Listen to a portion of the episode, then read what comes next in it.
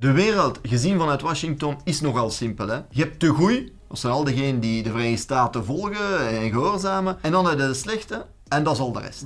Er komt een nieuwe wereldorde aan. En wij gaan die leiden. We moeten de rest van de vrije wereld daarvoor verenigen. Maar eigenlijk weten we al sinds Batman dat het niet zo simpel is. Hè? Denk daar even over na. Batman, dus Bruce Wayne, die multimiljardair, die beweert voor, eh, voor het goed te strijden en, en Gotham City te redden. Maar eigenlijk doet die man iets anders dan de, de gevestigde orde, met al die armoede, met al die mensen die niet rondkomen, dan die te beschermen, dan de macht van die miljardairs over Gotham City veilig te stellen?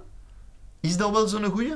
Of even naar Disney kijken. Hè, Belle en het beest. Belle en het beest, het beest, de moraal van dat verhaal zogenaamd, is dat het beest eigenlijk van binnen toch wel goed is. Hè? Maar eh, die heeft die vrouw wel gekidnapt en opgesloten. Hè? Ook in internationale zaken, in buitenlandse betrekkingen, is het allemaal niet zo simpel. Hè?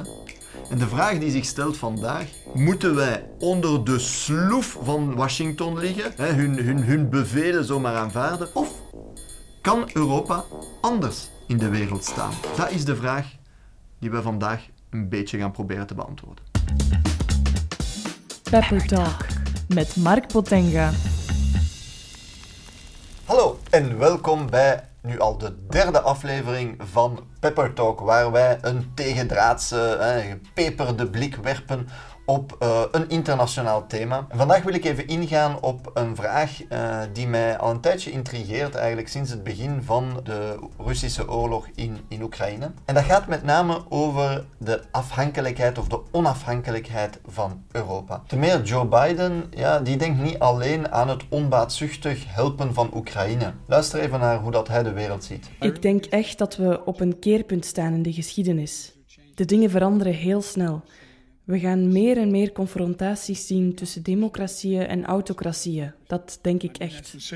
Dat doet mij denken aan eh, die andere Amerikaanse president eh, van een tijdje geleden. Alle naties in alle delen van de wereld moeten nu kiezen. Jullie staan aan onze kant of aan die van de terroristen. Dus eigenlijk zien de Verenigde Staten de wereld of de toekomst van de wereld als een confrontatie tussen blokken. En dat, dat, is- dat is een heel gevaarlijke logica. Ja? Daar wijst met name eh, Dominique de Villepin op. Dominique de Villepin is een oud-minister van Buitenlandse Zaken, ook oud-premier van Frankrijk. Als wij toegeven aan die poging om de wereld te verdelen, zullen de economische, politieke en ideologische gevolgen voor de globalisering ervoor zorgen dat onze stem aan legitimiteit en begrip inboeten in veel delen van de wereld. In de nieuwe Koude Oorlog die zich uitstippelt, hebben we niet de regels die bestonden tijdens de Eerste Koude Oorlog. We begeven ons in een veel gevaarlijkere wereld dan voordien. We hebben geen grote wapenverdragen meer. We zagen hoe de New START en Intermediate Range Nuclear Forces akkoorden door zowel Amerikanen als Russen werden opgeblazen. Je moet rekening houden met die gevaarlijkere wereld. Want Europa is het slagveld, dus we zijn wel degelijk allemaal betrokken. In die logica, tja, duwen de Verenigde Staten onder meer via de militaire alliantie van de NAVO, maar ondertussen ook via de Europese Unie, ons in de richting van ja, steeds minder eh, contacten, betrekkingen hebben met Rusland natuurlijk, dat is duidelijk, maar ook met andere landen, zoals bijvoorbeeld China. Zo worden die twee landen ondertussen door de Europese Unie en door de NAVO beschouwd en betiteld als systemische rivalen. Dat zijn natuurlijk eh, landen, als je ze zo eh, dat etiket geeft, ja, waar dat je niet te nauwe betrekkingen mee wilt. Hè? En zo creëer je natuurlijk die wereld van blokken. Tezelfde tijd duwen de Verenigde Staten ons naar steeds hogere uitgaven voor defensie. Hè? Zo zou ieder land minstens 2% van haar bruto binnenlands product, dus de rijkdom die in zo'n land geproduceerd wordt, moeten eh, geven aan defensie, aan militaire uitgaven. Voor België betekent dat makkelijk 5 miljard extra per jaar. Dat is natuurlijk allemaal geld dat niet gaat dienen voor eh, het klimaat, de gezondheidszorg, het onderwijs of de pensioenen. Eigenlijk duwen ze ons in de richting van een nieuwe koude oorlog met een wapenwetloop hè, die uiteindelijk door de werkende klasse gaat betaald worden.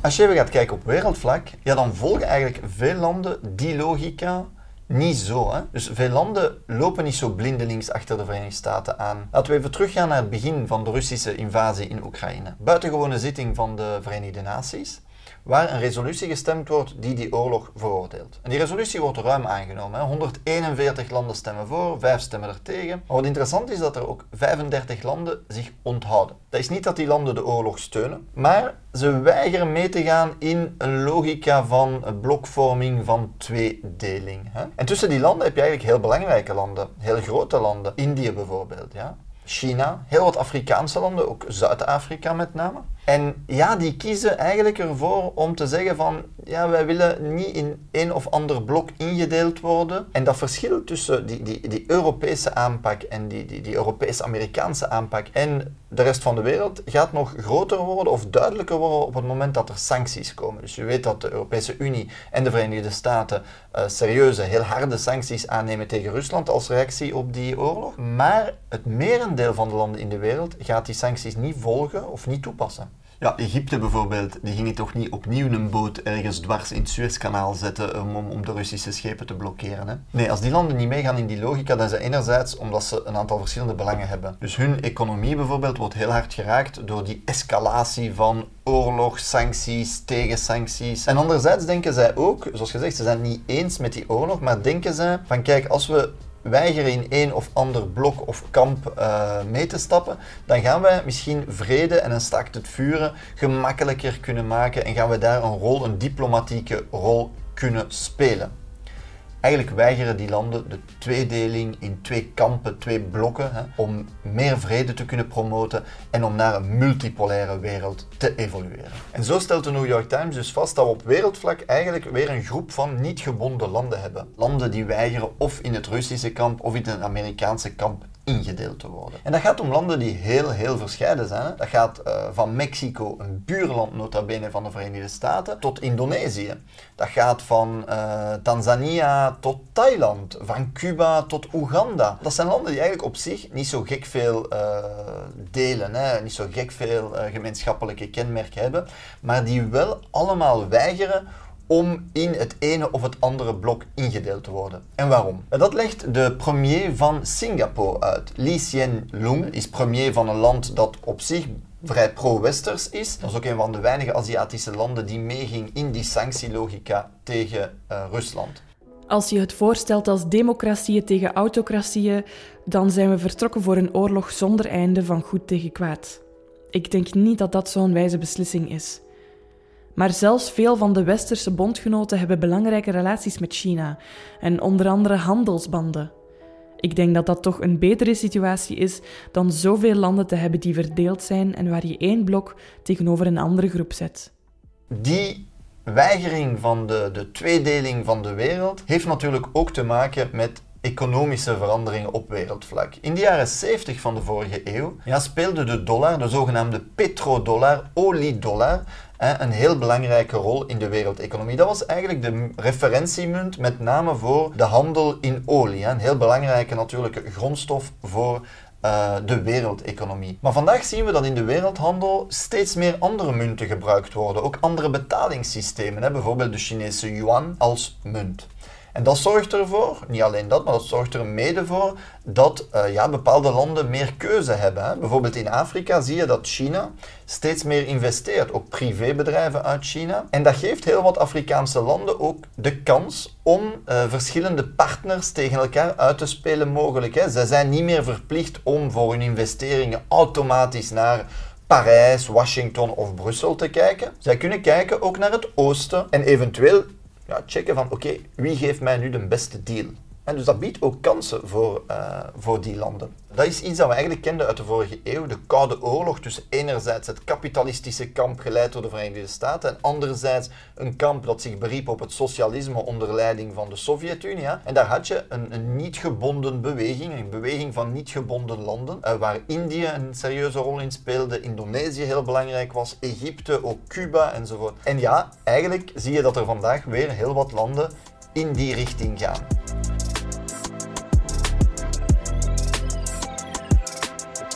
Maar de vraag is dan natuurlijk, als je zoveel landen hebt die zeggen van nee, wij gaan onze eigen belangen verdedigen, wij gaan ons niet onderwerpen, wij kiezen onze eigen weg. Waarom moeten wij dan onszelf hè, onderwerpen als een kefferke achter de Verenigde Staten en Washington aanlopen? Dat is toch niet serieus. Niet gebonden zijn, dat is misschien ook een optie voor Europa. Niet gebonden zijn, dat wil niet zeggen dat je je isoleert, hè, dat je je terugtrekt op je eilandje of ergens gaat zitten huilen in een hoekje. Nee, nee. Dat wil gewoon zeggen dat je jouw buitenlands beleid niet afstemt op dat van een ander land. Dat je niet gewoon blindelings een ander land volgt, maar dat je zegt van wij stippelen ons eigen beleid uit, onze eigen belangen enzovoort. Ja? Pas op, het is niet zo dat ik anti-Amerikaans ben of iets heb tegen de werkende klasse in de Verenigde Staten of wat dan ook. Hè. Als ik uh, Ariana Grande of, uh, of Cardi B uh, zich hoor uitspreken voor sociale rechtvaardigheid, fantastisch, hè? Dat, is, dat is echt wel dat, dat we nodig hebben. Of Chris Smalls, herinneren jullie die? Die, die gast, die, die werknemer van Amazon, eigenlijk zijn eentje met zijn energie, dankzij de mobilisatie en de organisatie van een collectief, erin geslaagd is om Amazon op de knieën te dwingen en de eerste vakbond bij Amazon in de Verenigde Staten heeft opgelegd. Dat is fantastisch, ja. Dus Amerikanen, uh, heel fantastische dingen die daar gebeuren, hè, dankzij de, de Amerikaanse werkende klasse onder meer. Maar dat wil niet zeggen dat wij blindelings via militaire allianties als de NAVO alles moeten volgen wat de Amerikaanse regering en Washington dicteren. Hè? Want onze belangen, allee, de belangen van de Amerikaanse regering en die van de Europese de werkende klasse zijn vaak gewoon niet dezelfde. Denk aan Irak. Hè? Dus 20 jaar geleden, de Verenigde Staten vallen met een aantal Europese landen Irak binnen vernietigen dat land, uh, bombardementen en alles. Ja, dat was natuurlijk voor hun multinationals om onder meer de olie, in, eh, in Irak te controleren. Maar dat was niet het belang van de Europeanen. Hè. Daar is daarna de Islamitische Staat, ISIS en zo uit voortgekomen, terrorisme. Dat was echt niet in ons belang. Of denk aan Oekraïne. In de vorige aflevering van, van, van Pepper Talk, hè, de aflevering 2, sprak ik over Hillary Clinton, ex-minister van Buitenlandse Zaken van de Verenigde Staten, die Oekraïne vergeleek met Afghanistan. En dus zij eigenlijk insinueerde van misschien moet die oorlog wel een beetje langer duren. Dat kan dan ook uh, Rusland verzwakken enzovoort. Dat is natuurlijk niet in ons belang. Hè die oorlog die heeft plaats hier op het Europese continent. Ja, voor ons is belangrijk dat die oorlog zo snel mogelijk stopt, dat het bloedvergieten stopt. Dat is belangrijk. Dat is iets heel anders natuurlijk. Sancties ook, die raken ons, die raken de Verenigde Staten nauwelijks of niet. Hè. En daarom hebben wij heel andere belangen dan de belangen die de Verenigde Staten en hun regering verdedigen. Of denk aan de NAVO. Dus de Verenigde Staten komen nu met het idee van de Global NAVO. Die zal zelfs in de Zuid-Chinese zee moeten gaan opereren. Maar waarom zouden in godsnaam Europese oorlogsschepen naar de Zuid-Chinese zee moeten gestuurd worden om daar uh, spanningen, oorlog, weet ik veel wat mee te creëren? Dat is absoluut niet in ons belang. Wij hebben vrede nodig.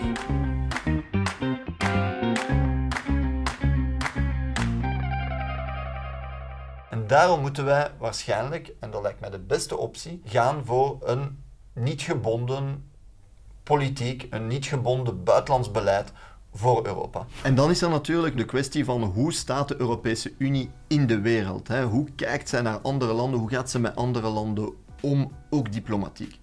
Al te vaak komt de Europese Unie nog met het vingertje. Hè? Van, ah, jullie zouden de openbare diensten moeten privatiseren. Ah, jullie zouden beter uh, jullie bedrijven verkopen aan het buitenland enzovoort. Natuurlijk, die landen vinden dat niet fijn. Hè?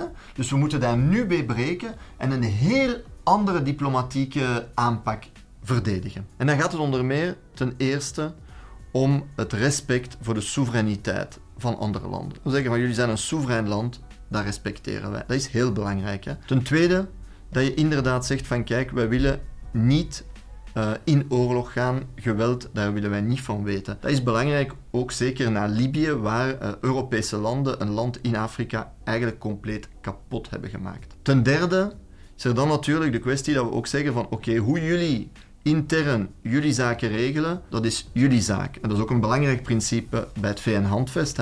De niet-inmenging in de binnenlandse aangelegenheden van andere landen. De gelijkheid van landen erkennen is ook belangrijk. En dat je zeggen van kijk, wij zijn hetzelfde, wij zijn heel verschillende landen, maar we staan op hetzelfde niveau. Wij erkennen dat wij allemaal gelijk zijn qua rechten wat dat betreft. En tenslotte de kwestie van vreedzaam samen naast elkaar bestaan en deze wereld delen. Want deze wereld is opgemaakt uit landen die heel verschillend zijn, heel andere belangen hebben vaak, uh, heel andere uh, interesse enzovoort. Maar we moeten wel allemaal samenleven en daarvoor moet onze diplomatie ook dienen.